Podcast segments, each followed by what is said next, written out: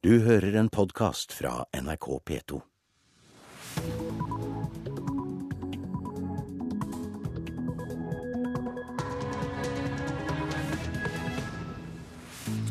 Og det er eh, Øystein Heggen som tar deg med gjennom P2s eh, Nyhetsmorgen i dag. Klokka 6.30 onsdag 24. april har vi disse hovedsakene.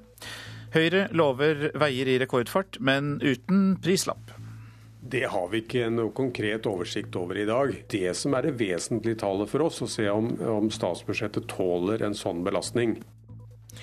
Støttegruppen etter brannen på Scandinavian Star ber regjeringene i Norge, Danmark og Sverige om en egen granskningskommisjon. Norge skal gi 240 millioner kroner for å utrydde polio. Kongressen i USA fikk i natt vite at Russland flere ganger advarte mot den eldste av brødrene som mistenkes for å ha stått bak bombene under Boston Marathon. Og opera skal settes opp i isødet nesten 2000 meter over havet i Jotunheimen.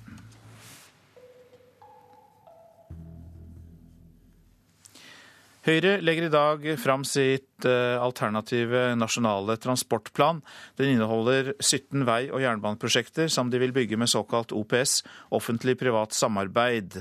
Og det skal skje gjennom de neste ti år. Regjeringen vil også bygge ut disse prosjektene, men mener det er feil å låne penger så lenge Norge har penger på bok. Ja, vi tar sikte på at alle disse prosjektene skal være igangsatt i løpet av tiårsperioden. Det lover Høyre sin samferdselstalsmann Øyvind Halleraker.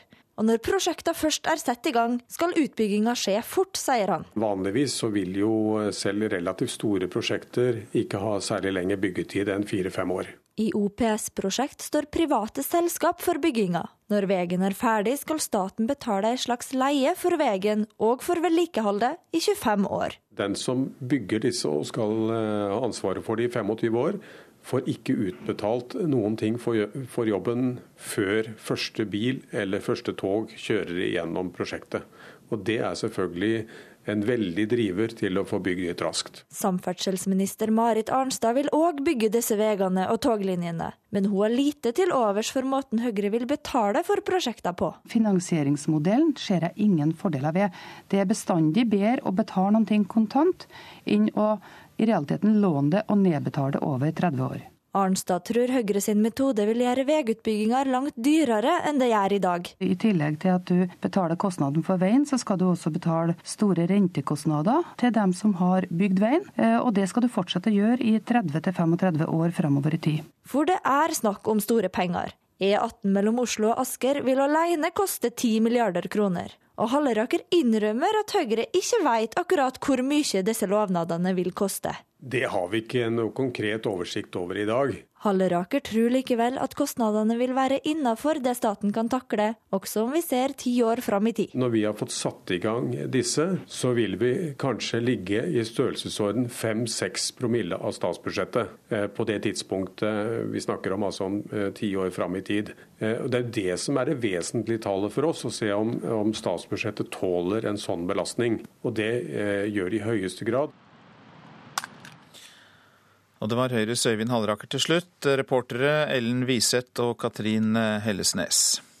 Russland tipset FBI gjentatte ganger om den eldste av de to brødrene som mistenkes for å stå bak bombene under Boston Marathon.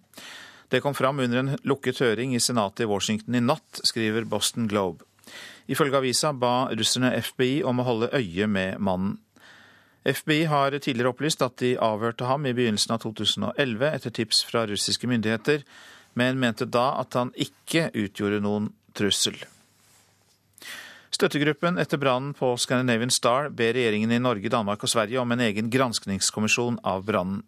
Kravet om en ny offentlig gransking kommer i tillegg til et krav om en ny politietterforskning av dødsbrannen. Det var natten til 7. april for 23 år siden passasjerskipet Scandinavian Star begynte å brenne. Både politi og en granskingsgruppe i 1990 slo fast at brannen var påsatt. Skylden ble lagt på en dansk lastebilsjåfør som selv omkom i brannen, sammen med 158 andre. Den norske støttegruppen har aldri slått seg til ro med at etterforskningen kom fram til sannheten den gang. Støttegruppen er kritisk til at ansvaret for driften av skipet, som ikke var sjødyktig, heller aldri er etterforsket eller gransket.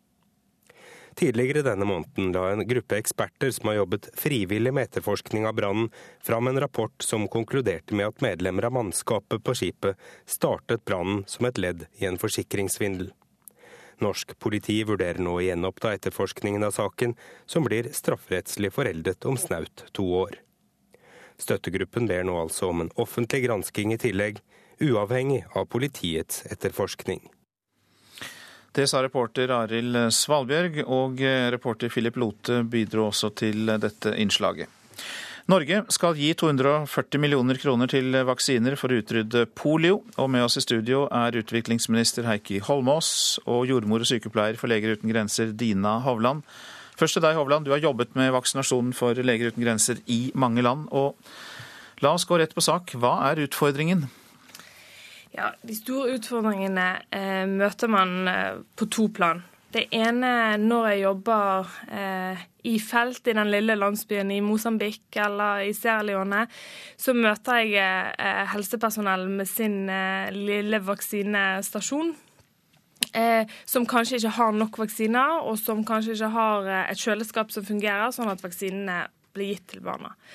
Eh, samtidig da så ser jeg resultatet av dette på min eh, i sykehuset eller i helsestasjonen av barn som kommer inn med sykdommer som jeg vet at vi har veldig gode vaksiner for.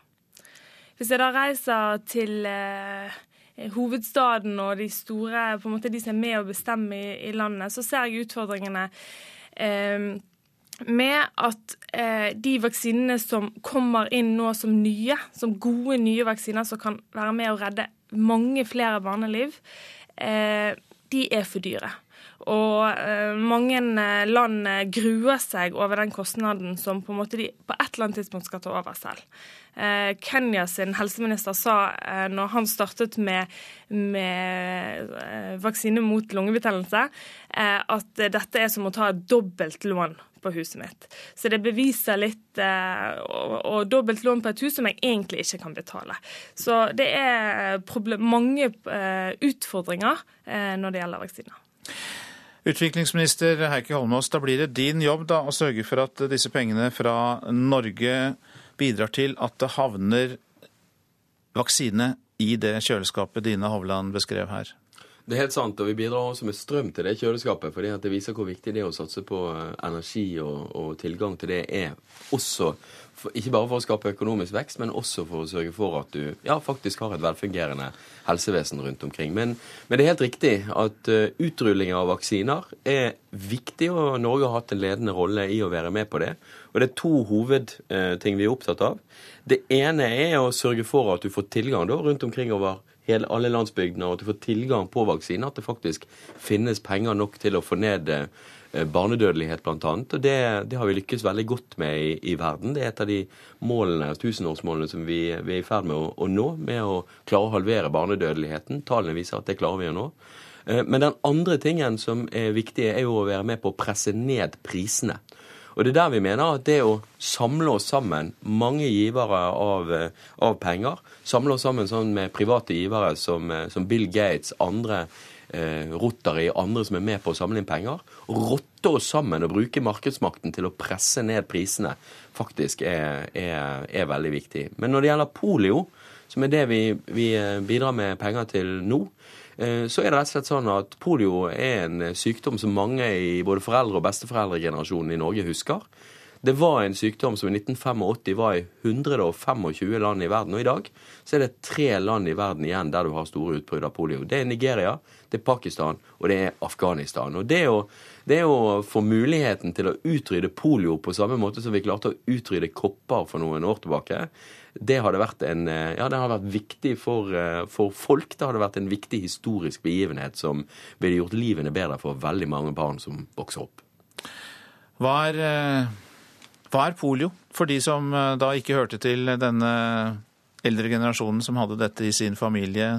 Kanskje vi skal opplyse våre lyttere?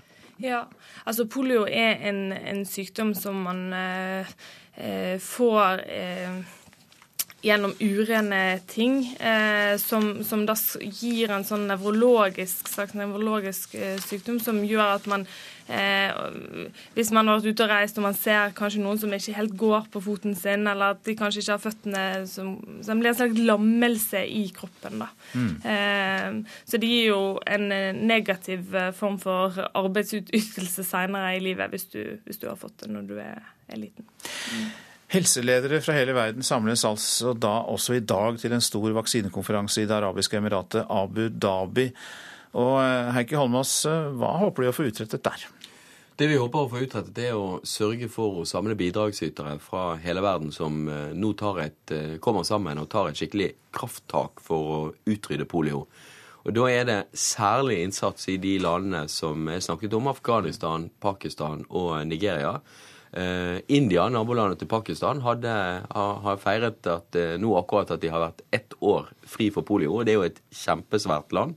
Eh, klarer vi tilsvarende i de landene gjennom vaksiner, så hadde det vært veldig bra. Og så er det litt et poeng at vi samles i et muslimsk land, fordi at det vi har sett, er et tilbakeslag for de folkene som er rundt og vaksinerer mot polio. I Pakistan så var det flere hjelpearbeidere som ble drept rundt eh, år, eh, årsskiftet nå. Nettopp fordi at det ble spredd rykter om at poliovaksinen bidro til å sterilisere eh, sterilisere muslimer, og at dette var en vestlig eh, konspirasjon. Så det å få en brei samling av folk, kristne, ateister, eh, hinduer og, og, muslimer, til å stå sammen om, eh, om, eh, om dette eh, og utrydde polio, det, det er veldig bra og veldig viktig. Dina Hovland, til slutt til deg. Du har vært i Sør-Sudan, Etiopia, Somalia, Uganda. Masse land. Har du møtt noen av de problemene som blir beskrevet her når du skal ut og vaksinere, annet? Ja, absolutt. Altså, jeg mener Dette er et veldig reelt problem. Eh, for det er mye, eh, mye kunnskap trenger man å, å, få ut til folk for at eh, de skal tørre å vaksinere barna sine. Fordi at de, de, har ikke så mye kunnskap om det. Så det er absolutt noe som er viktig informasjonsarbeid. Det, det, er man nødt til å fokusere på. I alle typer form for helsehjelp eh, så er informasjon ekstremt viktig. Heikki å ber om en bitte liten replikk. Den må bli liten. Ja, jeg snakket bare, jeg bare ser betydningen av det arbeidet som Leger uten grenser gjør, og sier at det, det er viktig. og jeg, jeg, snakket akkurat med helseministeren i Somalia, som er et av de landene der du hadde vært, som sa det at hvis hun kunne, når hun gikk av som helseminister, vite det at hun hadde vært med på å få på plass et bredt vaksineprogram i Somalia, så ville hun føle at eh, da hadde hun gjort jobben som helseminister godt. Og det skal vi bidra til på en god måte. Heikki Holmås, utviklingsminister, og eh, Dine Hovland fra Leger uten grenser, takk skal dere ha. Så skal jeg si litt om det avisene har på forsidene. Livsfarlige bander på norske veier, skriver Dagbladet. De bruker rå metoder, kjører farlige biler og driver med grove ran og tyverier. Norske veier er en korridor for kriminalitet, sier ledere, i lederen i Lastebileierforbundet, Geir Moe. Norgesgruppen kjøpte ICA-butikker uten lov, skriver Dagens Næringsliv. Konkurransetilsynet straffer Norges største dagligvarekjede med et gebyr på 25 millioner kroner for brudd på konkurranseloven etter oppkjøpet av ICA Maxis butikker. Rømmer energiaksjer, skriver Finansavisen. Mange investorer verden over holder seg unna investeringer i energisektoren, viser undersøkelse fra amerikansk bank. Men i Stavanger Aftenblad står det om nye investeringer i Ekofiskfeltet i Nordsjøen på 83 milliarder kroner. Levetiden for anlegget utvides med 40 år. Verdens største selskap kan bli kastet ut av oljefondet, er oppslaget i Aftenposten. Oljegiganten Exxon Mobils virksomhet i Ekvatorial-Guinea granskes.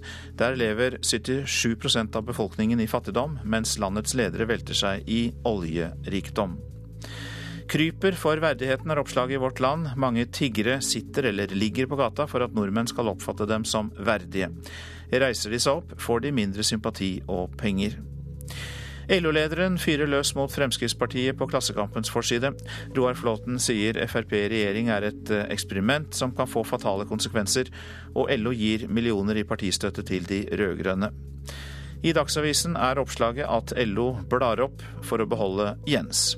Landsorganisasjonen gir seks millioner kroner til Arbeiderpartiet foran valget. Tvangsflytter tusenvis, skriver Adresseavisen. Flere hundre boliger kan bli revet for å få plass til dobbelt jernbanespor mellom Trondheim og Stjørdal. Kjøpesentrene i bergensområdet vil vokse med 40% på få år, skriver Bergens Tidende. Jeg er ikke sikker på om markedet tar imot dette, sier plansjef Mette Svanes i Bergen kommune. Bondelaget frykter skattesmell, skriver Nasjonen. Bønder over hele landet rammes av høyere eiendomsskatt. 69 bønder i Hamar kommune er gått sammen for å klage på kommunens taksering. Og spar tusener på sydenferie, ja det er forbrukeroppslaget i VG i dag. Norge blir stadig mer markert som ishockeynasjon. For første gang går landslaget til VM med to gode keepere, som kan bytte på underveis i mesterskapet. Kjempebra, sier Norges førstekeeper gjennom de siste år, Lars Haugen. Bare en positiv greie ved det, å, ha den konkurransen. Haugen har fått en utfordrer, en annen Lars, nemlig Lars Volden. Konkurransen mellom dem er viktig for at Norge skal gjøre det bra i VM. Få den konkurransen og det blir litt sånn ekstra på treninger og også i kamp, at du må levere. og Så får vi bare prøve å pushe hverandre og, og støtte hverandre når det er andre som, andre som skal stå. Så får vi ta det sånn. To keepere i duell om førsteplassen har det norske landslaget aldri hatt. Tiden har snudd. Det ser trener Roy Johansen. Nå føler jeg at vi har to målvakter som uh, kjemper om plassen. Vanligvis har han vært redd for bakerstemann. Det har vært at vi har uh, hatt én målvakt og vært veldig redd for at han skal uh, pådra seg en skade. Nå har vi flere som, som kan stå i en VM-kamp og, og gjøre det bra. Det betyr at Norge endelig kan gjøre som stornasjonene. Veksle mellom keeperne fra kamp til kamp, slik at de også får hvile i en så tøff konkurranse som VM. Vi har jo et tøft kampprogram. Det er mange kamper som går sånn rett etter hverandre neste dag. Så det, det er jo selvfølgelig opp til, til Røy og dem hvordan de legger det opp. Johansen mener det kan bli aktuelt. Ja, Det kan det være. Det er litt avhengig av hvordan kampene ser ut. Og, men det er en vurdering vi gjør fra kamp til kamp. Reporter Henrik Jonassen. Klokka den har passert 6.46. Dette er hovedsaker i Nyhetsmorgen. Høyre lover veier i rekordfart gjennom offentlig og privat partnerskap, men uten å sette på prislapp. Støttegruppen etter brannen på Scandinavian Star ber regjeringene i Norge, Danmark og Sverige om en egen granskningskommisjon. Og fra i dag så kommer det ingen lyd fra de som leser inn bøker for blinde. Mer litt seinere i Nyhetsmorgen.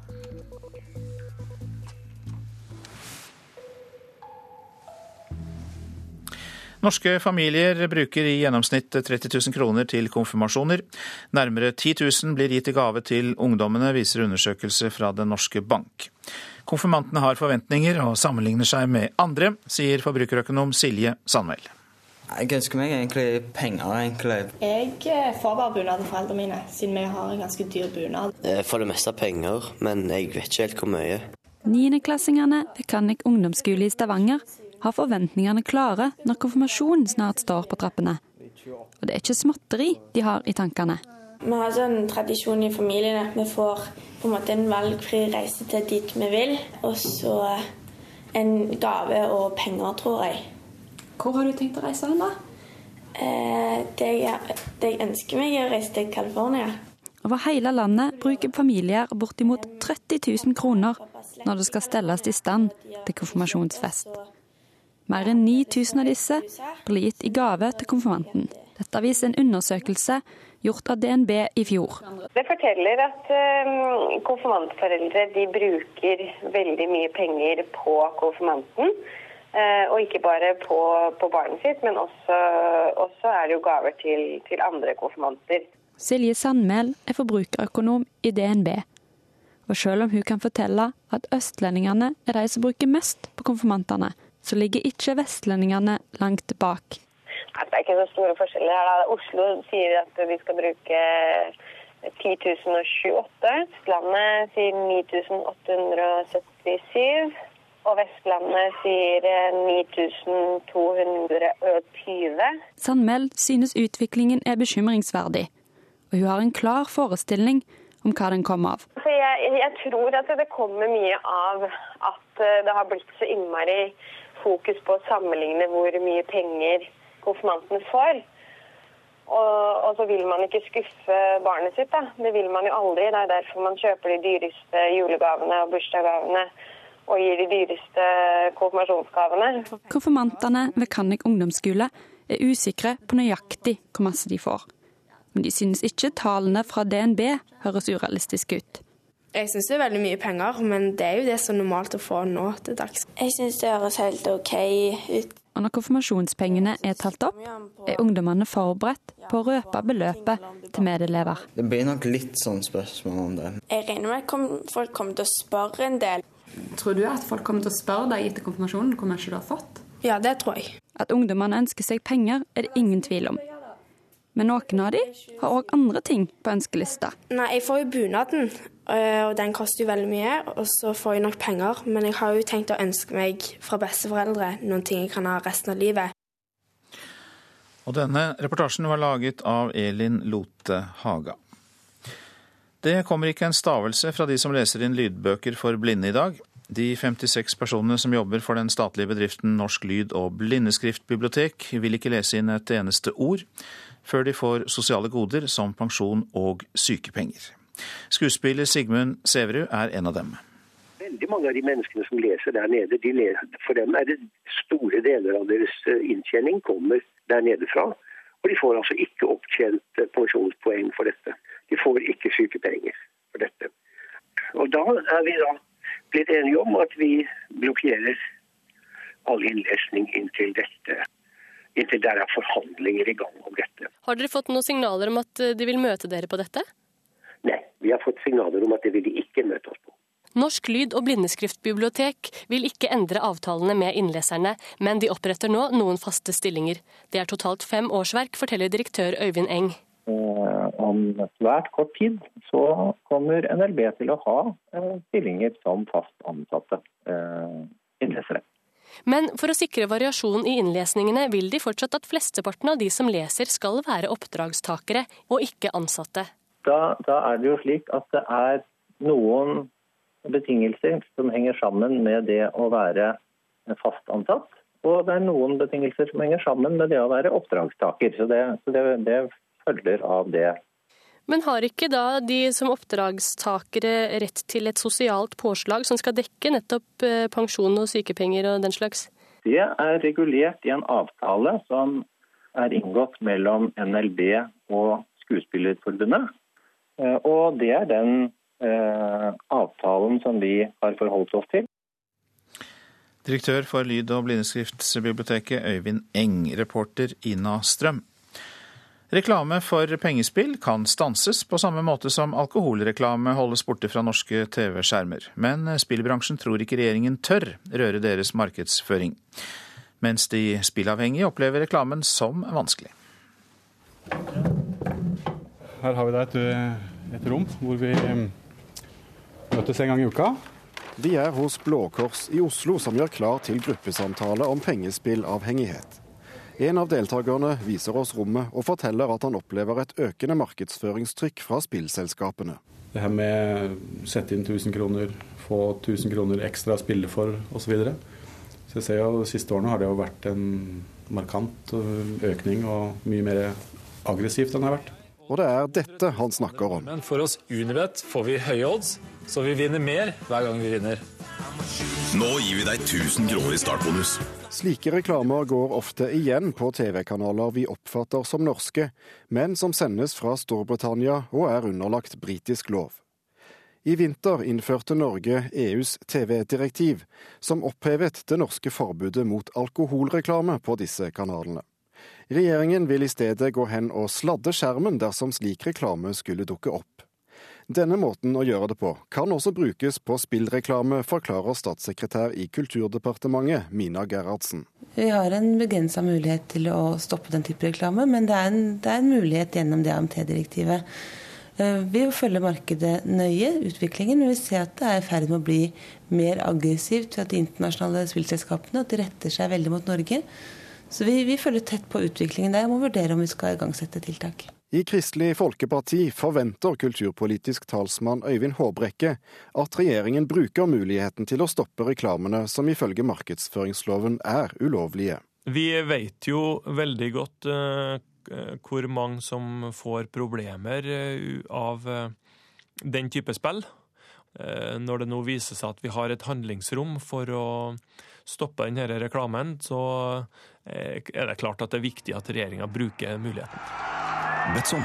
Alt kan skje. Vi gir deg en velkomstbonus på inntil 2000 kroner. Betson er blant de største spillaktørene i det norske markedet. Talsmann for Betson-gruppen i Norge, Kim Ruud Pedersen, mener det kan være brudd på EUs konkurranseregler dersom Norge sladder reklame for pengespill på TV. Han ser det som urealistisk at det skal skje. Oss til de norske reglene som sier at det ikke er lov å reklamere på norsk TV. Det gjør vi heller ikke. Men at vi reklamerer på TV-selskap i et annet land, det kan ikke vi se hvordan norske politikere skulle ha noe innsyn eller meninger om i det hele tatt. Og reporter her, det var Thomas Alvarstein Ove. Et uh, nytt uh, spektakulært operatablå settes opp i isen i Jotunheimen til sommeren. Operaen 'Stemmen fra Mimrisbrunn' skal åpnes, uh, åpne det nye utsiktspunktet mot Tjeldbreen 1900 meter over havet, og svært utilgjengelig. Det er et område som er veldig vanskelig tilgjengelig. Det er veldig få som faktisk har vært inne i det området her. Sier klimaforsker Rune Strand Ødegård ved Høgskolen i Gjøvik. Men 24.8 urframføres operaverket 'Stemmen fra Mimisbrunner' ved Kjelbreen 1900 meter over havet i Jotunheimen. Vi har hatt lyst til å lage musikk i formidlingen inne i isen. Jeg har tenkt at ting må være litt storslått. Sier fylkesarkeolog i Oppland Espen Finstad, som hadde ideen om å sette opp nyskrevet opera på Norges tak. Det er et fantastisk landskap. Hvorfor ikke kombinere med å lage musikk som kan fremføres utendørs?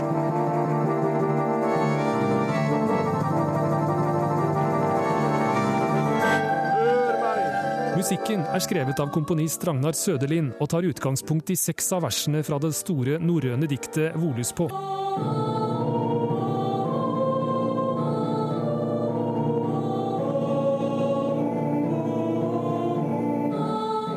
Teksten er av professor og ekspert på norrøn religion Gro Steinsland. Altså Noe av det som gjør det så spennende med å være med på dette, det er jo at her tenker man tverrfaglig hele tiden. Det er selvfølgelig klima og natur og alt det som skal vises, den store utfordringen i våre dager. Den historien og det vi vet om fotsporene etter menneskene i gammel tid, det forteller oss noe i dag og, og får frem ansvaret vi har for vårt eget både klima og samfunn og det hele. Verket framføres som en del av åpninga av det nye utsiktspunktet mot Kjelbreen i Mimisbrunner klimapark i Jotunheimen. Bygginga av gangbaner og stier til et utsiktspunkt mot Kjelbreen er i gang. Det er væravhengig. Arkeolog Espen Finstad og komponist Ragnar Søderlin håper operaen i Jotunheimen kan bli en årlig foreteelse. Bolko har 66 vers. Vi har vel en ambisjon om å få opp alt, med musikere og det hele. Det vil bli lagt ut vel 200 billetter for salg til åpningen i august. Klimaforsker Rune Strand Ødegård tror operatablået blir en stor opplevelse. Det er en fantastisk arena. Jeg tror det kan bli en, en flott opplevelse, altså hvor naturen på en måte kan forsterke den forestillingen som blir her.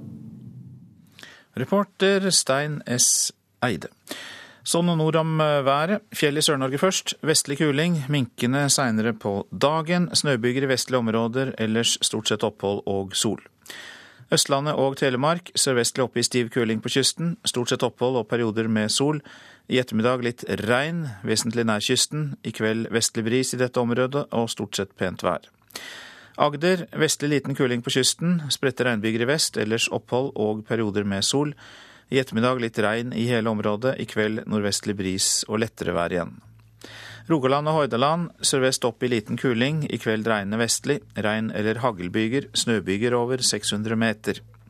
Sogn og Fjordane sørvest opp i sterk kuling. Ved Stad liten storm. I kveld minking til vestlig liten kuling. Regn eller haglbyger. Snøbyger over 600 meter, og det er også utrygt for torden. Møre og Romsdal sørvest sterk kuling, i kveld minkende.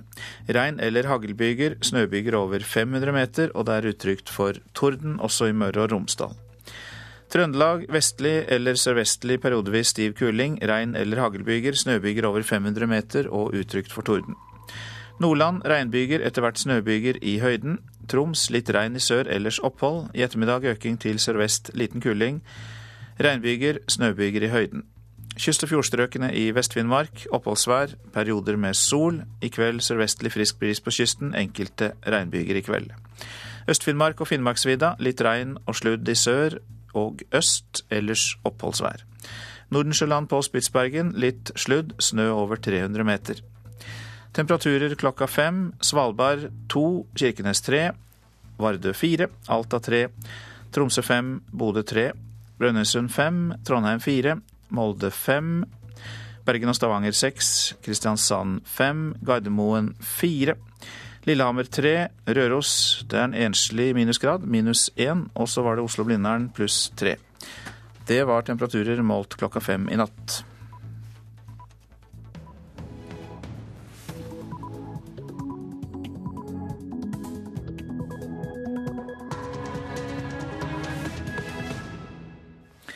Da er klokka blitt sju, og eh, du lytter til P2s Nyhetsmorgen. Her i studio Øystein Heggen.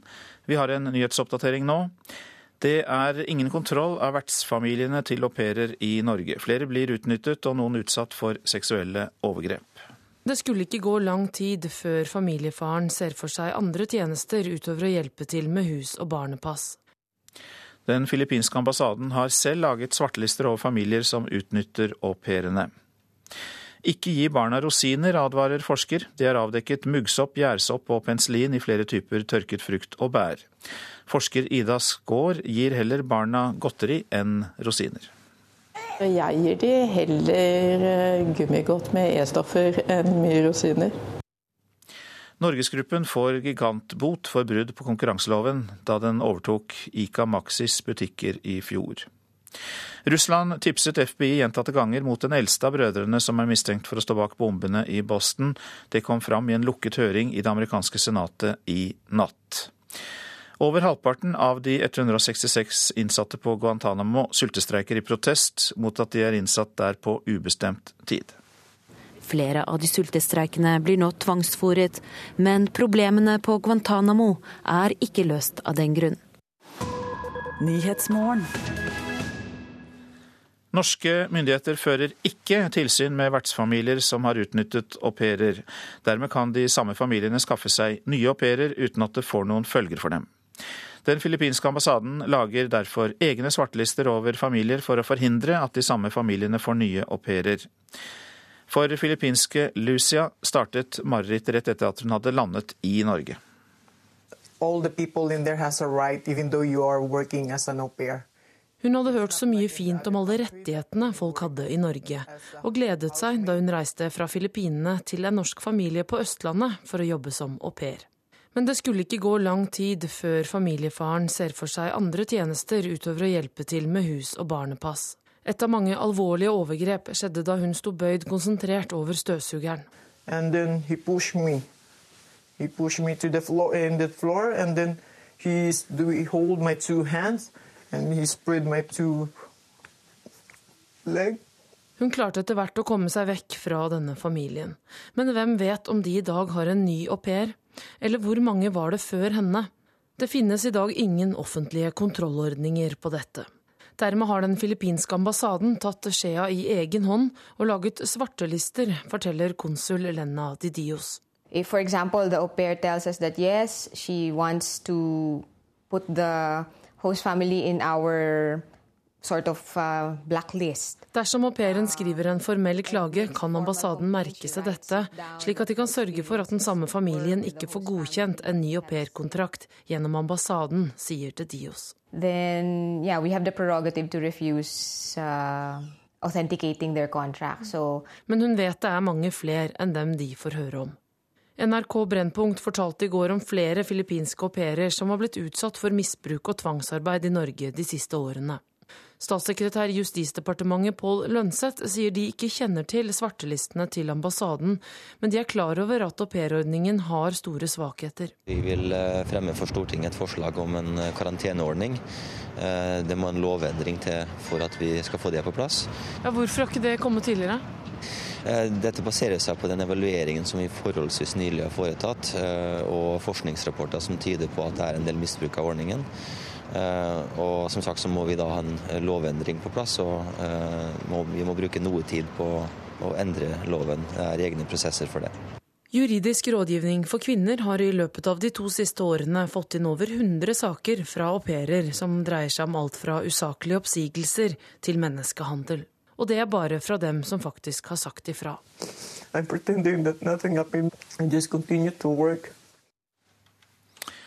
Og reporter her, det var Ellen Borge Christoffersen. Og hun nevnte jo nettopp juridisk rådgivning for kvinner. Du er prosjektansvarlig der, Lene Løvdahl. God morgen til deg. Takk. Ja, la oss ta dette med at eh, en utenlandsk ambassade faktisk må gjøre jobben for eh, myndighetene. Hva syns du om det? Jeg syns jo det er tragisk at det skal komme så langt. Men jeg er jo ikke overraska. Dette har vi jo visst om lenge. Og så ble det også sagt her at det kommer en karanteneordning. Hvordan tror du den vil eh, kunne fungere som en forbedring? Den vil helt klart være en forbedring. Vi er veldig glad for at den nå mest sannsynlig kommer. Jeg slapper ikke av før den er på plass, for dette har vi venta på i halvannet år. De har hatt lang tid på seg på å forberede dette. Men det er ikke nok. De har, det er ingen som fører tilsyn eh, i hjemmene. Eh, Arbeidstilsynet har ingen myndighet til å gå inn i hjemmene og sjekke arbeidsforhold. Eh, og fordi man ikke kaller disse for arbeidstakere, fordi Justisdepartementet lyver om hva de er, så fratas de en rekke rettigheter. De kan ikke kreve inn lønn hvis de har blitt pressa til å jobbe ekstra, uten å miste sin oppholdstillatelse. Vi risikerer å bli dømt for heleri hvis vi prøver å kreve inn lønn for noen som har jobba for mye. Vi venter på svar der fra Arbeidsdepartementet om, om, vi kan gjøre det, men slik er ståa i dag. Vi kan ikke ta sjansen. Og dette er jo også sosial dumping satt i system, med dårlig lønn. Og grunnpremissene i selve ordningen forsterker jo hele maktubalansen. Så det er så mye som må gjøres her, i tillegg til denne karanteneordningen. Men eh, dette skulle jo da være en eh, kulturutveksling, og det skulle være noe som begge parter skulle ha glede av. Eksisterer det også, parallelt med det, de fryktelige eksemplene dere bl.a. har? Helt klart. Det er mange fine vertsfamilier. Og det er vi veldig klar over, og det prøver vi å si til enhver tid. Ehm, men grunnmuren i ordningen er råtten. Og det gjør at i det øyeblikket du har en kjip vertsfamilie, så har du ingen rettigheter. Du tror altså at en karanteneordning kan forbedre dette, men du, du slår deg ikke til ro med det. Det virker som det hele er i en juridisk gråsone, for ikke å si nærmest en svart sone, at det ikke eksisterer noen regler i det hele tatt. Eh, for å rydde ordentlig opp, hva vil du gjøre? Det første skrittet er jo å anerkjenne at dette er arbeidstakere. Og anerkjenne at disse har fulle arbeidstakerrettigheter. Eh, og også gi dem tilsyn. Altså, Man må komme inn og føre tilsyn med hushjelper generelt. Det gjelder ikke bare au pairer. Hva med en vandelsattest eller en eller annen form for dokument som man må ha som familie for i hele tatt å gå inn i dette? Det er absolutt en mulighet. Det vil jo, eh, vil jo fjerne en del risikofaktorer. Eh, jeg tror heller ikke det er nok. Jeg, jeg tror at eh, vi er nødt til å ha en annen ordning på sikt. Så, hvor, hvor, man gir dem grunnleggende arbeidstakerrettigheter, hvor de ikke må bo på arbeidsplassen. Det er jo et av de spørsmålene vi ofte får. Det det gjerne koker ned til, er jo spørsmålet om denne aupairordningen i det hele tatt er mulig å få til å fungere. Kunne et alternativ være, som enkelte har sagt, bare å skrinlegge hele greia? Er, det er jo flott med kulturutveksling. Sånn at det, eh, det fins muligheter for å ivareta det aspektet, men på, det må skje på en måte som ivaretar grunnleggende rettigheter, og ikke diskriminerer en stor gruppe som i dag, og setter sosial dumping i system. Hjertelig takk for at du kom til Nyhetsmorgen, Lene Løvdahl, prosjektansvarlig i JURK, som altså står for juridisk rådgivning for eh, kvinner. Rosiner er ikke så ufarlig som mange tror. Forskere advarer nemlig foreldre mot å gi barna for mye rosiner. På oppdrag fra forbrukerinspektørene i NRK så har forskerne avdekket muggsopp, gjærsopp og penicillin i flere typer tørket frukt og bær. Og det er ikke bra, spesielt ikke for de minste barna, sier forsker Ida Skaar. Jeg gir de heller eh, gummigodt med E-stoffer enn mye rosiner. Vi tror at vi gir barna våre det sunneste av det sunne når vi gir dem en rosineske, men der tar vi altså feil. Det viser tester av tre typer rosiner, men også goji, goldenbær, aprikoser, svisker, mango og soltørkede tomater. Testene er gjort ved Veterinærhøgskolen i Oslo. I sju av ni stikkprøver fant vi ulike typer sopp. Eh, den som eh, går igjen, det er denne her, som er eh, en aspergillus i nigergruppen. Dvs. Si at den kanskje produserer eh, toksiner, giftstoffer. Og det er giftig for nyrene, og så er det også kreftfremkallende. Så har vi disse Gucci-berrisene, og her vokser det mye digg. Små mengder muggsopp i slike typer produkter kan forekomme. Det som er viktig, det er at grenseverdiene som er satt av Mattilsynet overholdes. Det sier kommunikasjonsrådgiver Ingrid Solberg Gundersen i Norgesgruppen. Men der det er muggsopp, kan det også være mykotoksiner. Og det bør vi ikke spise for mye av, advarer forsker Ida Skaar. Generelt så virker mykotoksiner negativt på immunforsvaret vårt. Så selv i små doser over lengre tid så kan man få litt nedsatt immunforsvar av, av å få i seg mykotoksiner. Og så kan man kanskje lettere bli forkjøla og få sånne banale sykdommer. Reporter her, det var Hans Jørgen Solli, og du kan uh, høre og se mer om denne saken på uh, NRK1 klokka 19.45 i kveld i Forbrukerinspektørene. I dag fortsetter ankesaken mot tidligere ordfører i Vågå, Rune Øygard. Blant annet er det Øygards forsvarer, Mette Yvonne Larsen, som skal spørre ut den fornærmede jenta. Nei, Nå skal dere få høre det inn i retten, men jeg kommer til å fokusere på ting i hennes forklaring som er nytt siden sist. Eh, ting hvor det er motstrid, og ting der jeg lurer litt på om hvorfor hun fastholder forklaringa til tross for at det er så klart og tydelig bevisført at det kan ikke stemme. Det sier Mette Yvonne Larsen, som er Rune Øygards forsvarer. I dag er det den tredje dagen av ankesaken etter at den tidligere ordføreren i Vågå ble dømt for overgrep mot ei ung jente i tingretten. Den fornærmede jenta skulle ha vært ferdig med sin forklaring i går, men fortsetter i dag. Ja, Hun syns det er litt slitsomt da, selvfølgelig at det blir enda en dag til. Og, og, den verste delen for henne gjenstår vel kanskje med at forsvarer skal krysseksaminere henne. og på en tøffere måte enn sist, har hun varslet. Det sier jentas bistandsadvokat Nina Bråten Hjortdal. Øygards forsvarer vil ikke gi detaljene i hva hun vil fokusere på retten i dag. Det skal jeg ikke gå i detaljer på, men en del ting rundt hva som skjedde mellom dem. Eh, hvor det skjedde, når det skjedde, sånne ting som er interessant for meg å bore litt mer i. Det er tøffe dager for den 17 år gamle jenta i retten, sier bistandsadvokaten hennes. Og det er jo inn på de mest intime detaljene, så ser vi at det, at det er veldig vanskelig for henne. Hun blir stille. Reporter på Hamar, Ann Kristin Moe.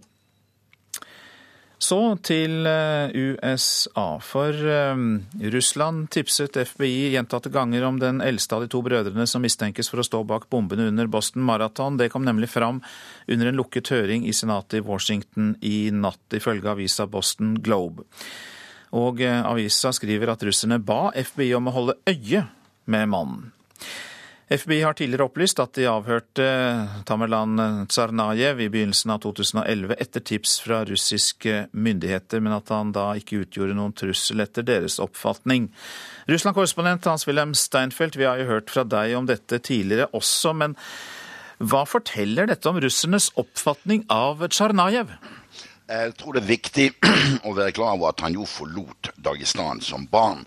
Slik at eh, da han kom tilbake i 2011, så har han åpenbart eh, vært i kontakt med folk i Mahatsjkala, som er Dagestans hovedstad, og som har vært under overvåkning. Det er en veldig medvind for terroristgruppen Skogsbrorskap i Dagestan. Og det er antagelig det som er grunnen til at han kom opp på russernes radar. Russerne har i dag nesten dobbelt så mange mann i Dagestan annen militært personell fra sikkerhetspolitiet. Eh, til forskjell fra hva de hadde i Tsjetsjenia. Så det er en veldig sterk overvåkning der, og det danner grunnlaget for eh, varselet til USA. Dette med Dagestan er jo eh, interessant, men har det kommet fram enda andre ting i Russland som kan ha påvirket og inspirert disse brødrene?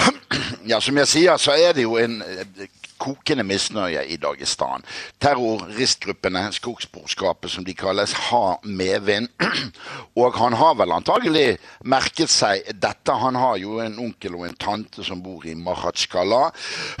Det som imidlertid er et problem i denne saken, det er at eh, ikke bare nå, men tidligere har amerikanerne ignorert russernes påstander om at Al Qaida og eh, andre eh, krefter utenfra puster til terrorilden i Nord-Kaukasus. Dette har amerikanerne gjort fordi de hele tiden har ment at det var en frigjøringskrig som pågikk i Tsjetsjenia.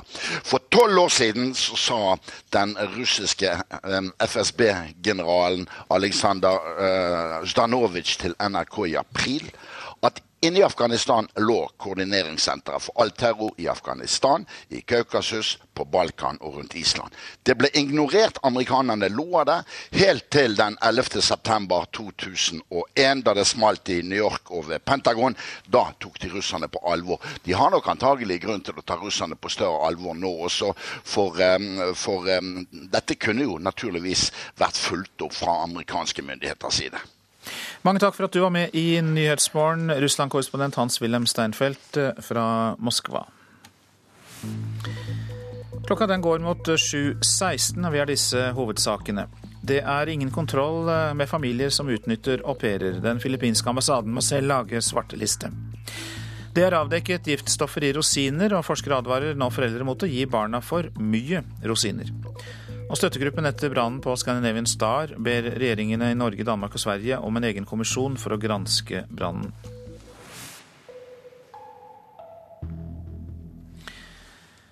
Konkurransetilsynet varsler eh, Norgesgruppen om en rekordstor bot på 25 millioner kroner. Norges største dagligvareaktør får bot fordi eh, vi mener matgiganten brøt loven da den overtok Ikas eh, Maxis butikker i fjor. Det sier Magnus Gabrielsen, direktør for marked i Konkurransetilsynet. Vi gir 25 millioner eh, i bot fordi Norgesgruppen har gjennomført oppkjøpet av Ica Maxi-butikker før vi var ferdig med vår behandling og uten å ha meldt det til oss. Og dere mener også at de gjorde det med hensikt? Ja, vi, vi mener at uh, Norgesgruppen har organisert transaksjonen uh, på denne måten bevisst, og at de har ment at de på den måten uh, ikke hadde en meldeplikt. Du handler hos Norgesgruppen hver dag.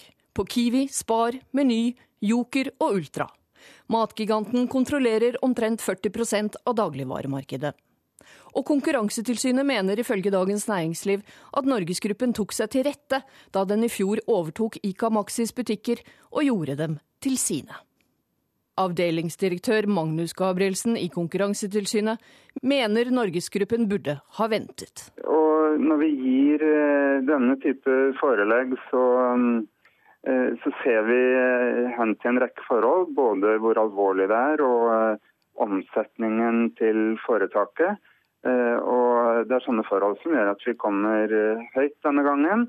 Men vi har holdt oss innenfor vanlige utmålingsprinsipper. Så er det også viktig å understreke at dette er et varsel. Vi har ennå ikke fattet endelig vedtak i saken. Og Norgesgruppen har fire uker på seg til å svare på dette varselet. Reporter Hedvig Bjørgum. Støttegruppen etter brannen på Scandinavian Star ber regjeringen i Norge, Danmark og Sverige om en egen kommisjon for å granske brannen. Det er gått 23 eh, år siden brannen som krevde 159 menneskeliv. Men det er eh, ikke for seint å finne svarene de etterlatte sitter med. Det sier lederen for den norske støttegruppen, Jan Harsem. Eh, det er definitivt mulig. Vårt brev til de skandinaviske myndighetene som har gått i dag, det er vedlagt et helt konkret forslag fra de ekspertene som nettopp bisto undersøkelseskommisjonen i 1990, og de peker på en helt De foreslår en konkret måte som eh, undersøkelsen av brannforløpet kan finne sted på. Og Når det gjelder hvem det var som eide og hvem som opererte skipet, så er det også fullt mulig. Dokumentasjonen er der. Det handler bare om at det aldri har vært vilje til å avdekke dette tidligere. Leder for støttegruppen etter Scandinavian Star, Jan Harsem. Letingen etter et fransk ektepar som er savnet på Haukeli i Telemark, måtte innstilles i går kveld pga. uvær. Paret gikk fra Haukeliseter fjellstue lørdag og skulle etter planen ha kommet tilbake til Haukeli mandag. Både scooter, redningshunder og beltevogner har deltatt i søket. Letearbeidet fortsetter når været tillater det. Så til det avisene skriver i dag. Livsfarlige bander på norske veier, skriver Dagbladet. De bruker rå metoder, kjører farlige biler og driver med grove ran og tyverier. Norske veier er en korridor for kriminalitet, sier leder i Lastebileierforbundet Geir Mo. Rømmer energiaksjer, skriver Finansavisen. Mange investorer verden over holder seg unna investeringer i energisektoren, viser undersøkelse fra amerikansk bank. Men i Stavanger Aftenblad kan vi lese at det er nye investeringer i Ekofiskfeltet i Nordsjøen på 83 milliarder kroner. Levetiden for dette anlegget utvides med 40 år. Verdens største selskap kan bli kastet ut av oljefondet, er oppslaget i Aftenposten. Oljegiganten Exxon Mobils virksomhet i Ekvatorial-Guinea skal granskes. Der lever 77% av befolkningen i fattigdom, mens landets ledere velter seg i oljerikdom. Kryper for verdigheten, er oppslaget i Vårt Land. Mange tiggere sitter eller ligger på gata for at nordmenn skal oppfatte dem som verdige. Reiser de seg opp, får de mindre sympati og penger. LO-lederen fyrer løs mot Fremskrittspartiet på forsiden av Klassekampen. Roar Flåten sier Frp i regjering er et eksperiment som kan få fatale konsekvenser. Og LO gir millioner i partistøtte til de rød-grønne. Det kan vi lese om både i Klassekampen og i Dagsavisen. Landsorganisasjonen gir seks millioner kroner foran høstens valg til Arbeiderpartiet. Tvangsflytter tusenvis, skriver Adresseavisen. Flere hundre boliger kan bli revet for å få plass til dobbelt jernbanespor mellom Trondheim og Stjørdal. Kjøpesentrene i bergensområdet vil vokse 40% på få år, skriver Bergens Tidende. Jeg er ikke sikker på om markedet tar imot dette, sier plansjef Mette Svanes i Bergen kommune. Bondelaget frykter skattesmell, skriver Nasjonen. Bønder over hele landet rammes av høyere eiendomsskatt. 69 bønder i Hamar kommune er gått sammen og klager på kommunens taksering. Og spar tusener på sydenferie, ja det er forbrukeroppslaget på forsiden av VG.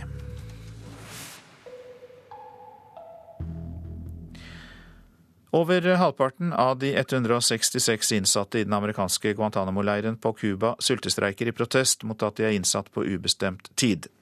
Sultestreiken startet for to og en halv måned siden.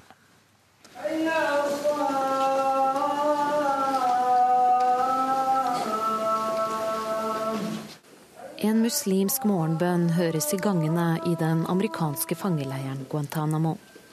166 terrormistenkte fra 23 ulike land sitter fengslet her på ubestemt tid. Nå nekter over halvparten av dem å spise.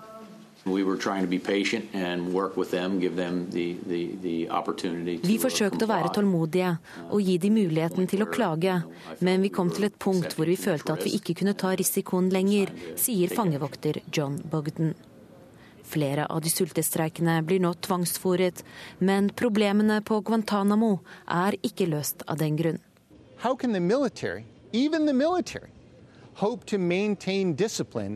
over uh, hvordan kan militæret holde disiplinen i en fangeleir hvor det absolutt ikke er noe håp for de innsatte, spør militæradvokat Kevin Bogutski. Det er drøye elleve år siden de første fangene ankom den amerikanske militærbasen på Cuba. I løpet av den tida har 779 fanger vært holdt i leiren. Syv av dem har tatt livet sitt. Amerikanske myndigheter har innrømmet at de tidligere har brukt enkelte torturteknikker, men at de nå har nedlagt forbud mot disse. Flere menneskerettighetsorganisasjoner har likevel krevd at fangeleiren må stenges. Men det har vært lettere sagt enn gjort. Selv USAs president Barack Obama sa da han kom til makten i 2009 at fangeleiren skulle nedlegges i løpet av ett år. Men han har møtt på juridiske, politiske og diplomatiske problemer. Until such time as our government starts to do the right thing in connection with Guantanamo Bay, Inntil myndighetene finner en løsning på situasjonen på Guantánamo, vil frustrasjonen bare øke. Jeg kan ikke se for meg at resultatet vil bli særlig bra, sier militæradvokat Bukutsjki.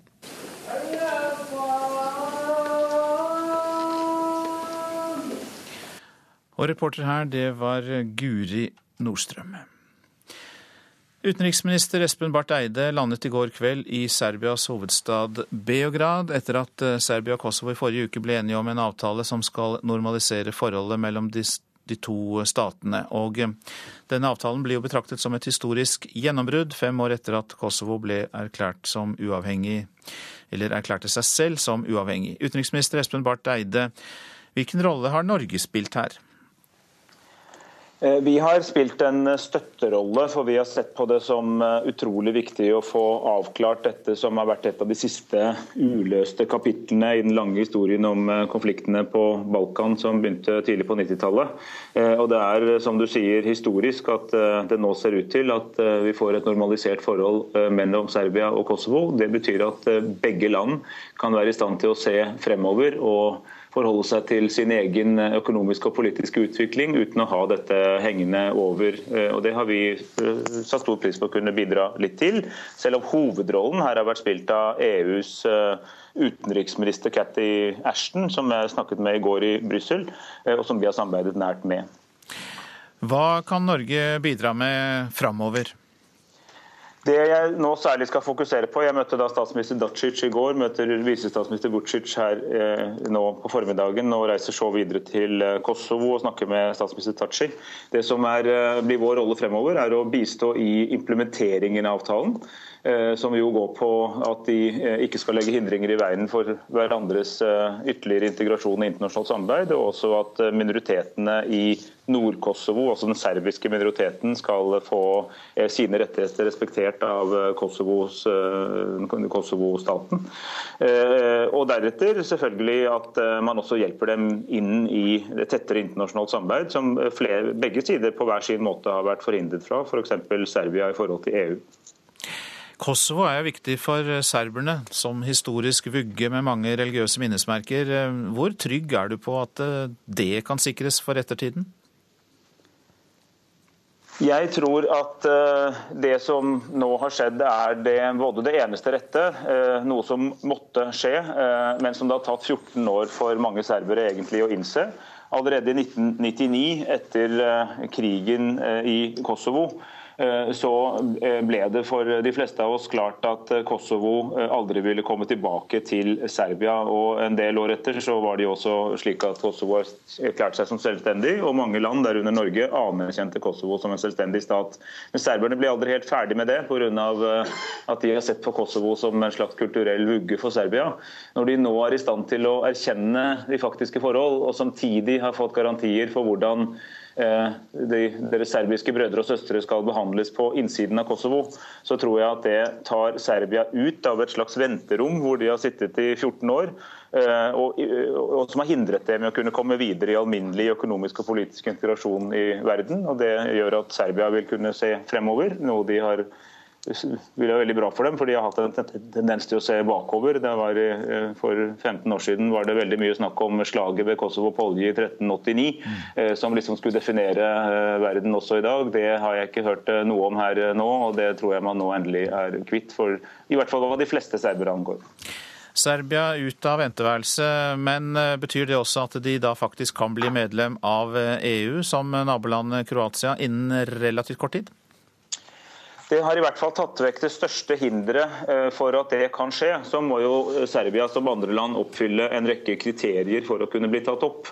Men grunnen til at nettopp EU har spilt en hovedrolle her, og, og EUs utenrikskommissær, eller utenriksleder Cathy Gjersten har spilt en viktig rolle, er jo at eh, dette uavklarte forholdet til Kosovo gjorde det umulig å gå videre med samtaler om fremtidig medlemskap i EU. og Det skapte da eh, et økonomisk problem for eh, Serbia, som ble sittende litt utenfor det samarbeidsområdet som vi alle andre deltar i, inkludert Norge, som jo er tett integrert gjennom EØS-avtalen. Mange takk skal du ha, utenriksminister Espen Barth Eide, som altså er på reise mellom eh, Serbia og Kosovo, og dette da i forbindelse med denne avtalen som skal normalisere forholdet mellom de to landene statene. Ja, du lytter på Nyhetsmorgen i NRK P2 og Alltid nyheter. Vil du høre et portrett av Boston, byen som har en så spesiell posisjon i amerikansk kultur og historie? Da skal du høre på radio etter Dagsnytt. Oljepenger og veipenger er temaer for Politisk kvarter.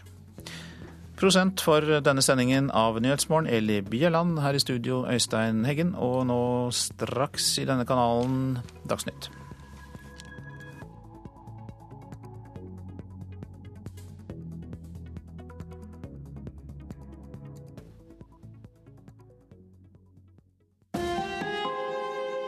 Hør ekko. Vaksiner redder millioner av liv.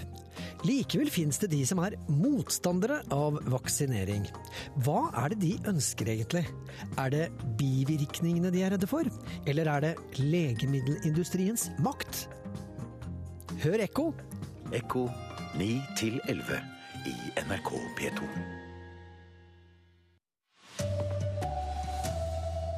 Myndighetene har ingen kontroll med familier som bruker, misbruker au pairer. Høyre lover veier i rekordfart, men uten noen prislapp. Det er sunnere å gi barn gummigodteri med E-stoffer enn tørket frukt og bær, sier forskere. God morgen, her er NRK Dagsnytt, klokken er 7.30. Norske myndigheter har ikke noe tilsyn med vertsfamilier som har utnyttet au pairer. Dermed kan de samme familiene gjøre det samme om igjen uten problemer. Den filippinske ambassaden lager derfor egne svartelister for å forhindre at dette skjer. For filippinske Lucia startet marerittet rett etter at hun hadde landet i Norge. He took my hand and put into his uh, two legs and want me to touch you know, Allerede på vei fra flyplassen får hun merke at familiefaren som hentet henne, ser for seg andre tjenester utover det å hjelpe til med hus og barnepass. he wants me to b- blue job just he's pushing my head and just do my head like this because he's a big man. Hun klarte etter hvert å komme seg vekk fra denne familien. Men hvem vet om de i dag har en ny au pair? Eller hvor mange var det før henne? Det finnes i dag ingen offentlige kontrollordninger på dette. Dermed har den filippinske ambassaden tatt skjea i egen hånd og laget svartelister, forteller konsul Lena Didios. For example, au pair tells us that yes, she wants to put the host family sort of uh. Dersom au pairen skriver en formell klage, kan ambassaden merke seg dette, slik at de kan sørge for at den samme familien ikke får godkjent en ny aupairkontrakt gjennom ambassaden, sier De Dios. Then, yeah, we have the prerogative to refuse uh. So Men hun vet det er mange flere enn dem de får høre om. Statssekretær i Justisdepartementet Pål Lønseth sier de ikke kjenner til svartelistene til ambassaden, men de er klar over at aupairordningen har store svakheter. Ja, vi har ikke vært fornøyd med, med flere elementer av aupairordningen. Etter å ha lovet en karanteneordning for familier som misbruker ordningen i snart halvannet år, sier departementet nå at de skal fremme lovforslaget for Stortinget før sommeren. Reporter Ellen Borge Christoffersen. Prosjektansvarlig i juridisk rådgivning for kvinner, Lene Løvdahl, er glad for at en karanteneordning nå kommer på plass, men hun mener det ikke er nok. Den vil helt klart være en forbedring, men det er ikke nok. Det første skrittet er jo å anerkjenne at dette er arbeidstakere, og anerkjenne at disse har fulle arbeidstakerrettigheter. Eh, og også gi dem tilsyn. Altså, Man må komme inn og føre tilsyn med hushjelper generelt. Det gjelder ikke bare au pairer. Høyre lover å få satt i gang hele 17 samferdselsprosjekter i løpet av ti år ved privat hjelp. Private selskaper skal stå for utbyggingen, men Høyre aner ikke hva det kommer til å koste. I dag legger partiet frem sitt alternativ til transportplan for Norge. E18 Oslo-Asker, Alnabruterminalen, E16 Skaret-Hønefoss, Ringeriksbanen, E18 gjennom Telemark og Aust-Agder, E16 Kløfta-Kongsvinger. Øyvind Halleraker fra Høyre har listen klar. Private selskap skal stå for byggingen, og når veien er ferdig, skal staten betale en slags leie for vei og vedlikehold i 25 år. Det kalles gjerne OPS, offentlig-privat samarbeid. Den som bygger disse og skal ha ansvaret for de i 25 år, får ikke utbetalt noen ting for jobben før første bil eller første tog kjører igjennom prosjektet. Og det er selvfølgelig en veldig driver til å få bygget raskt. Hva vil de koste, disse 17 prosjektene? Det har vi ikke noe konkret oversikt over i dag. Men det er helt vanlig, sier Halleraker. Disse prosjektene vil jo før eller siden bli realisert også i et rød-grønt regime, men mye, mye lenger fram. Og de har heller ikke noe tall på hva det vil koste i det øyeblikket man skriver avtalen. Samferdsel blir en av de viktigste sakene for Høyre i valgkampen. Nå utfordrer de altså de rød-grønne med flere veier fortere. Høyre sier at de kan sette i gang ting raskere, og innpakninga til Høyre kan jo virke forlokkende, men det er ingen quick fix. Sier Gorm Kjernli fra Arbeiderpartiet. Høyres OPS skyver regninga fram i tid. De sier de er villige til å starte flere prosjekter, eh, men de er ikke villige til å ta regninga. Reporter her var Katrin Hellesnes. Russland tipset FBI gjentatte ganger om Tamerlan Tsarnajev, den eldste av de to brødrene som mistenkes for å stå bak bombene under Boston Marathon. Det kom frem under en lukket høring i Senatet i Washington i natt, skriver avisen Boston Globe. Ifølge avisen ba russerne FBI om å holde øye med Tsarnajev. Forskere advarer foreldre mot å gi barna for mye rosiner. På oppdrag fra forbrukerinspektørene her i NRK har de avdekket muggsopp, gjærsopp eller penicillin i flere typer tørket frukt og bær. Dette er ikke bra, spesielt for de minste barna, sier forsker Ida Skar. Jeg gir de heller gummigodt med E-stoffer enn mye rosiner. Vi tror at vi gir barna våre det sunneste av det sunne når vi gir dem en rosineske, men der tar vi altså feil. Det viser tester av tre typer rosiner, men også goji, goldenbær, aprikoser, svisker, mango og soltørkede tomater. Testene er gjort ved Veterinærhøgskolen i Oslo. I sju av ni stikkprøver fant vi ulike typer sopp. Den som går igjen, det er denne her, som er en aspergillus i nigergruppen. Dvs. Si at den kanskje produserer eh, toksiner, giftstoffer. Og det er giftig for nyrene, og så er det også kreftfremkallende. Så har vi disse Gucci-berrisene, og her vokser det mye digg. Reporter Hans Jørgen Solli. Og det blir mer om denne saken i Forbrukerinspektørene på NRK1, altså klokken 19.45 i kveld. Norgesgruppen får varsel om en rekordstor bot på 25 millioner kroner for brudd på konkurranseloven. Det skriver Dagens Næringsliv. Norges største dagligvareaktør har butikker som Spar, Joker, Kiwi, Meny og Ultra. Alvorlighetsgraden på lovbruddet og selskapets salgstall har bestemt størrelsen på boten. Nye regler kan gi Norge mulighet til å stoppe TV-reklame for pengespill, på samme måte som alkoholreklame stanses på norske skjermer. Kulturdepartementet vil ikke gi noe klart svar på om de vil bruke denne muligheten. Kristelig Folkeparti mener reklamen må stoppes raskt, mens spillbransjen mener det vil være i strid med EUs frie konkurranse. Nå gir vi deg 1000 kroner i startbonus.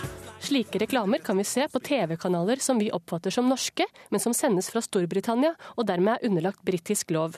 Alkoholreklame på slike kanaler sladdes, og nå vurderer Kulturdepartementet å gjøre det samme med spillreklamene. Det sier statssekretær Mina Gerhardsen. Vi ser at det er i ferd med å bli mer aggressivt at de internasjonale spillselskapene retter seg veldig mot Norge. Så vi, vi, følger tett på utviklingen der og må vurdere om vi skal igangsette tiltak. I Kristelig Folkeparti forventer kulturpolitisk talsmann Øyvind Håbrekke at regjeringen nå bruker muligheten til å stoppe reklamene, som ifølge markedsføringsloven er ulovlige. Når det nå viser seg at vi har et handlingsrom for å stoppe denne reklamen, så Betson. er det klart at det Alt kan skje. Vi gir deg velkomstbonus på inntil 2000 kroner. Betson er blant de største spillaktørene i det norske markedet. Deres talsmann i Norge, Kim Ruud Pedersen, mener det blir brudd på EUs konkurranseregler dersom Norge sladder reklame for pengespill på TV. Han ser det som urealistisk at det skal skje. Vi forholder oss til de norske reglene, men at vi reklamerer på TV-selskap i et annet land, det kan ikke vi se hvordan norske politikere skulle ha noe innsyn eller meninger om i det hele tatt. Reportere Thomas, Thomas Alvarstein Ove og Ina Strøm. Så fotball. Bayern München slo Barcelona hele 4-0 i gårsdagens første semifinale i Mesterligaen. Etter kampen var det en skuffet Lionel Messi som møtte pressen. Det er sjelden man opplever det som skjedde i går. At et lag skårer fire ganger mot Barcelona, og at verdens beste fotballspiller Lionel Messi ikke får til noe som helst. De slo oss i alt, fysisk og på bakken. De var overlegne, sa argentineren etter kampen. For Messi og lagkameratene måtte innse at 0-4 er tangering av Barcelonas styggeste tap i europacupsammenheng. Likevel har han ikke helt gitt opp håpet om avansement. Vi vil gå for det hjemme. Vi vil prøve å skåre så mange mål som mulig, men vi vet at det blir vanskelig. For på hjemmebane var Bayern München totalt overlegne. Når vi spiller som vi gjør i dag, tror jeg vi kan fortsette dette spillet framover også, sa Bayerns franske stjerne Frank Ribéry etter kampen. Reporter Kim Peder Rismyr. Ansvarlig for denne sendingen var Sven Gullvåg, Beate Haugtrø og Ida Creed.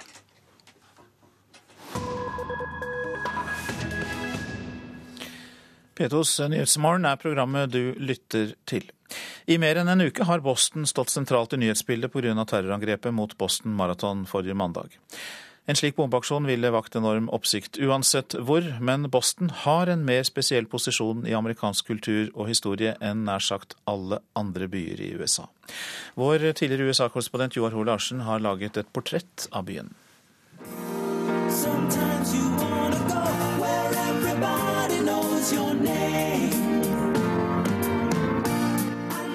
TV-serien Cheers forteller om livet i Boston, der det finnes et klart historisk sentrum, der etterkommere av irske innvandrere går på pub, og alle vet hva du heter. Mytene om Boston er mange, og noen er til og med sanne. Boston er den eldste av USAs storbyer, men bare nummer 21 i folketall, selv om Stor-Boston er USAs tiende største såkalte metropolitan area. We've had an attack. Oh my God. Oh my God. De antatte gjerningsmennenes bakgrunn har ført til at byens muslimske befolkning fra fjerne himmelstrøk er kommet i søkelyset. Both these subjects we have discovered were known to our Boston community. Men historisk sett er Boston den mest irske storbyen i USA, dominert av katolikker med sterke bånd til den grønne øya som forfedrene forlot, mange av dem da potetavlingene slo feil og det ble hungersnød i Irland rundt 1850. Denne gang var det en annen type katastrofe som tok liv. Uh, Boston ligger om lag 60 km nord for Plymouth Rock, der pilegrimene fra Mayflower gikk i land i 1620 og etablerte Nord-Amerikas første varige bosetning. Drøyt 150 år senere begynte den amerikanske uavhengighetskrigen i havnen i Boston. Befolkningen nektet å betale mer skatt til kolonimyndighetene i London, uten å få noe igjen. Til slutt gjorde de opprør mot importavgiften på te. Forkledd som mohawk-indianere båret bostonianerne britiske handelsskip i protest og kastet verdifull te i vannet. The Boston Tea Party, som dette ble kalt, ble begynnelsen ikke bare på krigen, men på selve USA. The Mohawks have come. Ordinary men of Boston, some disguised with bootblack, soot and rags, will turn the harbor into a teapot. Da president Obama, som selv har studert i Boston, holdt minnetalen for de som ble drept og såret under terrorangrepet sist mandag, så anerkjente han Bostons helt spesielle posisjon blant USAs byer. Han beskrev det som så ut til å skulle bli en flott mandag med verdens eldste maraton, baseballmatch og deilig vårvær. It was a beautiful day to be in Boston. A day that explains why A poet once wrote that this town is not just a capital, not just a place. Boston, he said, is the perfect state of grace. Boston er kjent for sine idrettsklubber. Bare i dette århundret har de vunnet mesterskapstitler i så vel amerikansk fotball som i baseball, basketball og ishockey. Og så har byen Harvard, en gjenganger på toppen av listene når verdens beste universitet skal kåres. Boston har historie og kultur, kjendiser og berømtheter, men mest av alt, byen har sjarm og identitet. Og det kan man ikke si om alle amerikanske byer. Samholdet, lokalpatriotismen og særegenheten gjør at Boston vil fullføre løpet, som president Obama sa. Dette er Nyhetsmorgen, dette er hovedsaker. Det er ingen kontroll av familier som utnytter au pairer. Den filippinske ambassaden må selv lage svarteliste. Høyre lover veier i rekordfart, men uten prislapp. Det er bedre å gi barn gummigodteri med E-stoffer enn tørket frukt og bær som kan inneholde muggsopp, gjærsopp eller penicillin. Ja, det sier forskere. Studio er fylt opp, og programleder Bjørn Myklebust. eh, Gjestene er klare i Politisk kvarter. Oljeformuen er kanskje norsk politikks velsignelse, men også forbannelse. Hva med Kristelig Folkeparti? Er ikke handlingsregelen hellig? Noen vil dra det så langt at dette er viktigere enn om Knut Arild Hareide blir statsråd.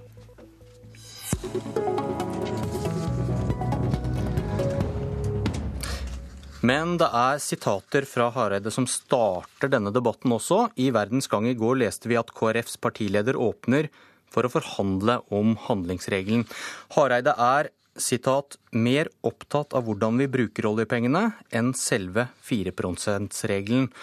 Og dette er spørsmål vi er åpne for å diskutere.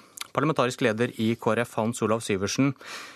Hvorfor er ikke 4 %-regelen, som da styrer hvor mye oljepenger som kan brukes på et år, så viktig? Jo, handlingsregelen er viktig, men jeg syns nok eh, vi i Norge er kommet dit hen at vi henger oss vel mye opp i det tallet. Og ikke spør oss selv, som kanskje var enda viktigere da vi laget handlingsregelen, hva er det vi bruker eh, pengene til? Og det er jo den eh, litt urovekkende utviklingen vi ser at det som var meningen at vi skulle bruke disse pengene til, altså infrastruktur, veier, jernbane, høyere utdanning og forskning, og en skattepolitikk som fremmer arbeidsplasser og næringsliv, det er kommet i bakgrunnen. Og det er jo ikke noe bare Kristelig Folkeparti sier. Det er faktisk også noe sentralbanksjefen sa i sin årstale i fjor. Så det som jeg syns er litt underlig, det er at man da Eh, får dette 4 %-tallet. Eh, det blir en slags hellig ku. Eh, mens egentlig så er vi nå i ferd med å gjøre det 4 %-spørsmålet Det blir et lite tomt skall, fordi man diskuterer ikke innholdet. Leder av finanskomiteen, Torgeir Micaelsen, føler du at KrF snakker handlingsregelen ned? Jeg syns i hvert fall det er eh, spesielt, det må jeg innrømme. Og jeg var veldig overrasket over at eh, KrF, som eh, har stått last og brast i hvert fall med de fleste partiene på Stortinget, bortsett fra Frp, nå i hvert fall antyder at de ikke syns det er så viktig med å sette en samla sum på hva vi skal liksom bruke av oljepenger i året. Hva de egentlig legger i dette, er jeg litt usikker på. fordi Syversen antydet jo i fjor at vi burde gå ned til 3% altså ikke bruke 4 av eh, oljeformuen, men 3% Men det han da ikke nevnte, det er jo det Hareide, hans partileder, nå liksom slipper ut av sekken, altså katta. At de ser for seg litt i Frp-ånd. At de på siden av statsbudsjettet skal definere en rekke det de kaller investeringer, som ikke skal omhandles den totale aktivitetsstyringen, si, pengebruken i norsk økonomi. Og det syns jeg er alvorlig. Og. Høyre har allerede invitert Frp til å forhandle om handlingsreglene. Nå, nå får de altså drahjelp fra Kristelig Folkeparti. Det, det, vil jeg, det vil jeg rett og slett advare mot. Det er ikke drahjelp til verken det eller andre. Det er å prøve å ta en reell diskusjon. Det som jeg syns er litt problematisk, det er at uh, hver gang noen i Arbeiderpartiet hører noe om handlingsregelen, så, så blir de veldig engstelige. Mens de ikke selv engang er villige til å se på hvordan de har forlatt handlingsregelens innhold. Uh, og bare nå bruker pengene uten å ha tanke på hva man bruker pengene til. Og så la meg ta et eksempel. Hva er det Arbeiderpartiet gjør? Og nå skal jeg stille Torgeir Micaelsen et konkret spørsmål. På landsmøtet deres så vet, tok dere nå en pakke for skogindustrien. Det er veldig bra, tror jeg, for det trengs, og her har regjeringen vært altfor passiv. Men hva er det regjeringen sier om det? Jo, da skal de ta og investere i en Investinor, altså et selskap som staten eier. På den måten så unngår man å bruke penger som har noe med handlingsregelen å gjøre. Man foretar investeringer på utsiden av handlingsregelen. Så det er jo ikke sånn, ærede programleder, at hver gang noen andre diskuterer dette, så er det livsfarlig, mens eh, hver gang Arbeiderpartiet syns det er opportunt å gjøre noe uten, utenfor handlingsregelen, så, så, er det men, men må, Så det er ikke Arbeiderpartiet som har definisjonsmakten her. Men, men, men dere er uenige om innholdet i handlingsregelen, om man bruker for lite til investeringer eller ikke. Og, men, men Syversen, i deres programmer tidligere, og også forslaget som ligger på bordet til landsmøtet til helgen nå, så holder dere fast på ja. handlingsreglene og 4% Vi gjør det, men vi sier også at det må ikke være sånn at uh, nå lever vi i et isolat. Vi kan ikke snakke om handlingsreglene. Jeg må si f.eks. når sentralbanksjefen tar opp i en tale at fordi in, in, eh, inntektene til oljefondet kanskje vil gå ned, så mener han at vi bør diskutere om vi bør gå ned til 3 hva skjer da, sier eh, finansministeren eller folk fra Arbeiderpartiet at ja, når sentralbanksjefen har vektige innvendinger, så bør vi kanskje sette oss ned og se litt på det. Nei da. Da avfeier man han ett minutt etter at talen er kommet. Jeg syns det er noe statisk som, eh, som jeg syns Arbeiderpartiet bør også ta med seg. At vi kan ikke bare se på tallet, vi må også diskutere innholdet. Er, er det fordi man er redd for at hvis man skal få lov til å si 3% så er det like legitimt å si 5 eller 6, Michaelsen?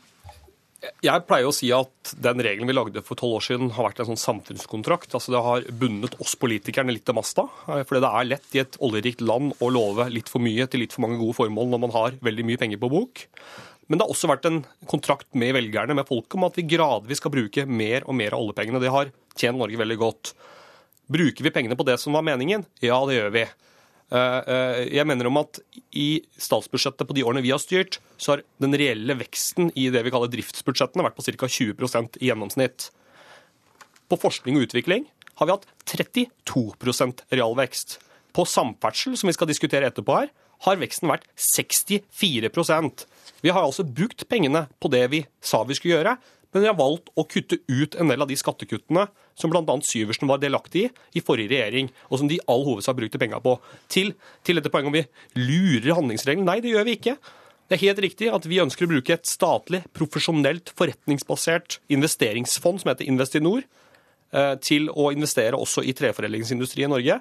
Dette er og måte vi har gjort det på i alle år, er ikke noe omgåelse av handlingsregelen, men helt i vater i forhold til hvordan vi ellers har gjort det. Jeg kan godt forklare nærmere på det, men det tar vel for lang tid. Syversen, eh, mener du at man Du kritiserte nå at, eh, at regjeringen bruker da penger under streken utafor handlingsregelen, det de kaller formueomplassering. Mener du at man skal kunne ta penger og bruke til vei, f.eks., utafor handlingsregelen? Jeg kritiserer ikke det Arbeiderpartiet Men svar på det siste gjør. spørsmålet. Viktig, Men mener du man skal kunne ta penger utafor handlingsregelen og bruke til f.eks. veiinvesteringer? Som Frp ønsker. Vi er, vi er enige i at vi bør diskutere hvordan vi kan få et bedre samarbeid mellom det offentlige og private, slik at vi kan få samferdselsprosjekt raskere igjennom. Og det skal vi gjøre innenfor selvfølgelig en økonomisk ramme. Men det er ikke sånn at hver gang Arbeiderpartiet finner på noe, så er det helt OK uh, sosialøkonomisk og samfunnsøkonomisk. Og mens andre har noen gode tanker, så er det livsfarlig. Det er ikke Arbeiderpartiet som sitter med definisjonsmakten på dette. altså. Har, har du tid til å bli finansminister Syversen? Ja da, jeg skal nok få tid til det. Du skal få tid til det. Oljepengene har en birolle i neste debatt også.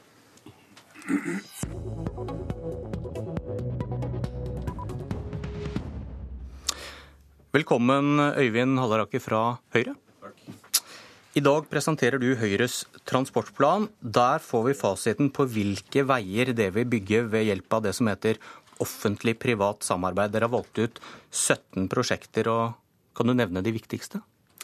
Ja, E18-korridoren eh, ut på vestsiden av Oslo er et eh, viktig prosjekt. E18 mot svenskegrensen er et annet. Eh, Hordfast, eh, Møreaksen på E39 eh, er også viktige prosjekt. Og det er viktige prosjekt på, på E6 gjennom Gudbrandsdalen. Rv. 2 mot Kongsvinger. Og vi har også ført opp Ringeriksbanen. Fordi vi tror det er et, et lurt prosjekt å finansiere på den måten. Men alt dette bygger regjeringen også ut, men på en annen måte? Ja, det er riktig. Veldig mange av disse prosjektene er prosjekter som regjeringen også har, eh, om ikke annet, omtalt i sin, sin transportplan. Kan du på en enkel måte forklare hvordan offentlig-privat samarbeid, OPS, skiller seg fra hvordan regjeringen vil bygge vei? Ja, dette er, en, dette er, en, annen måte å tenke på, simpelthen. Det er altså en, en reform for å få fart på norsk eh, veibygging og jernbaneutbygging. Så det er like mye en byggemetode som det er en finansieringsmetode. Man får altså realisert prosjektene raskere. Fortell hvordan man gjør det. Ja, eh, Det etableres da et eget selskap. Eh, det vil være en anbudskonkurranse. Slik har vi gjort det i tre prosjekter Norge, i Norge allerede. Eh, og Det selskapet inngår da en avtale med staten som er ganske detaljert i forhold til hva de skal bygge og hva de skal vedlikeholde i 25 år. Og Det er et viktig grep, for da får man koblet investeringsbeslutningene til smarte eh, vedlikeholdsløsninger. Og så eh, elimineres all risiko for staten for overskridelse i prosjektet. Så, så, det er på en måte de hovedgrepene som, som jeg vil trekke fram. Men det er jo også det vi har sett i de tre prosjektene vi har realisert, at man bygger altså dobbelt så raskt. Og Det er selvfølgelig også viktig for de som skal bruke eh, veien. Torgeir Micaelsen, Arbeiderpartiet, kan du på en enkel måte forklare hvorfor dere ikke bygger vei på denne måten?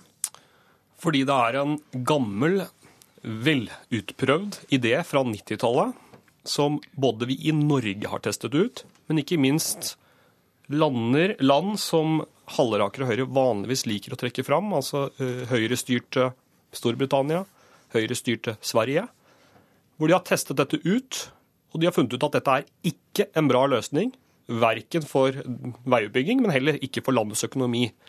Og Når det er prøvd ut på 90-tallet, så er det ikke en ny løsning de nå presenterer, det er gammelt nytt. Og Grunnen til at jeg er mot det, det er at dette er i bunn og grunn å, betale, å bygge veier på krita, på avbetaling, og Hvis du er et land som går med flere hundre milliarder kroner i overskudd hvert år, så er det jo litt rart at vi skal bygge ting på krita. Altså Hadde vi vært et litt sånn stakkars land sør som hadde lite penger, så kunne vi jo diskutert dette. Men vi har altså store overskudd, og da skjønner jeg ikke hvorfor vi skal gjøre dette. Det nye i dag er jo at vi har sett, som du også har fått se da, denne ja. lista på 17 prosjekter. Ja. Hva blir konsekvensen hvis Høyre får gjennomført dette? Det er litt vanskelig å si nå uh, i dag tidlig, men det er jo for det første svært urovekkende at et parti som nå har høye meningsmålinger, sier de skal styre landet, i en av de viktigste sakene for velgerne, ikke er i stand til å si hva løftene til velgerne koster på veisida. Jeg kan bare anslå hva dette vil koste. Og vi har allerede i dag, som Halleraker innom, vært innom, testa ut et par sånne prøveprosjekter med OPS. Der betaler vi i tiårsperioden vi har framover oss nå, 5 milliarder kroner. Det sier seg selv at dette vil bli en storstilt veibygging på krita hvor regningen nå overlates til de, de som kommer etter oss. Ja, det, det, er helt riktig, det. Og det er ikke så uvanlig eh, verken eh, hos husholdningene eller hos næringslivet for øvrig, eller i forvaltningen ellers.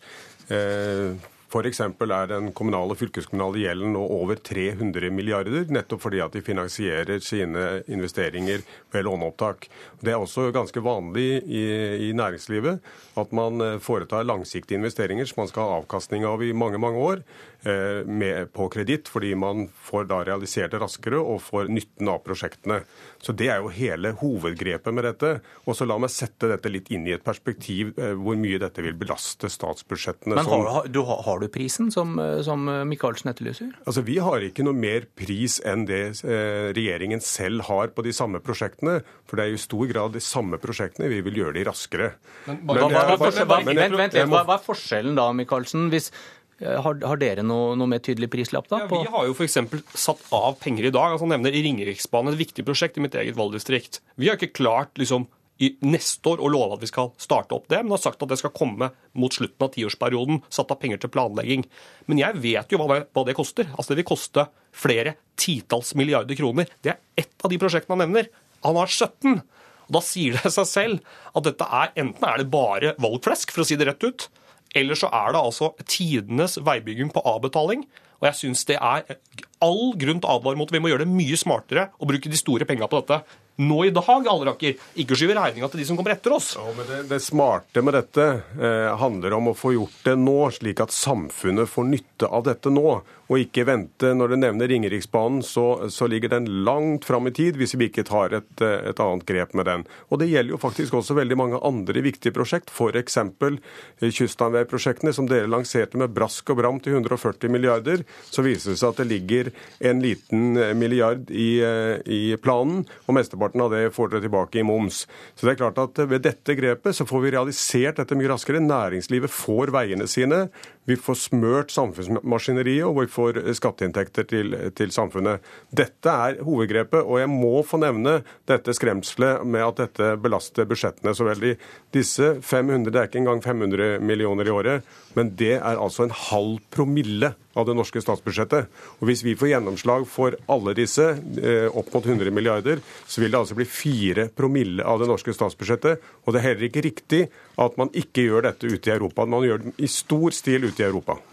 Du får svare en annen gang, Torgeir Micaelsen. fordi politisk... Fire promille av, altså 100 milliarder er ikke fire promille av statsbudsjettet, men det viser jo hvordan de regner. For takk, for, sånn. takk for at dere kom. Du har hørt en podkast fra NRK P2.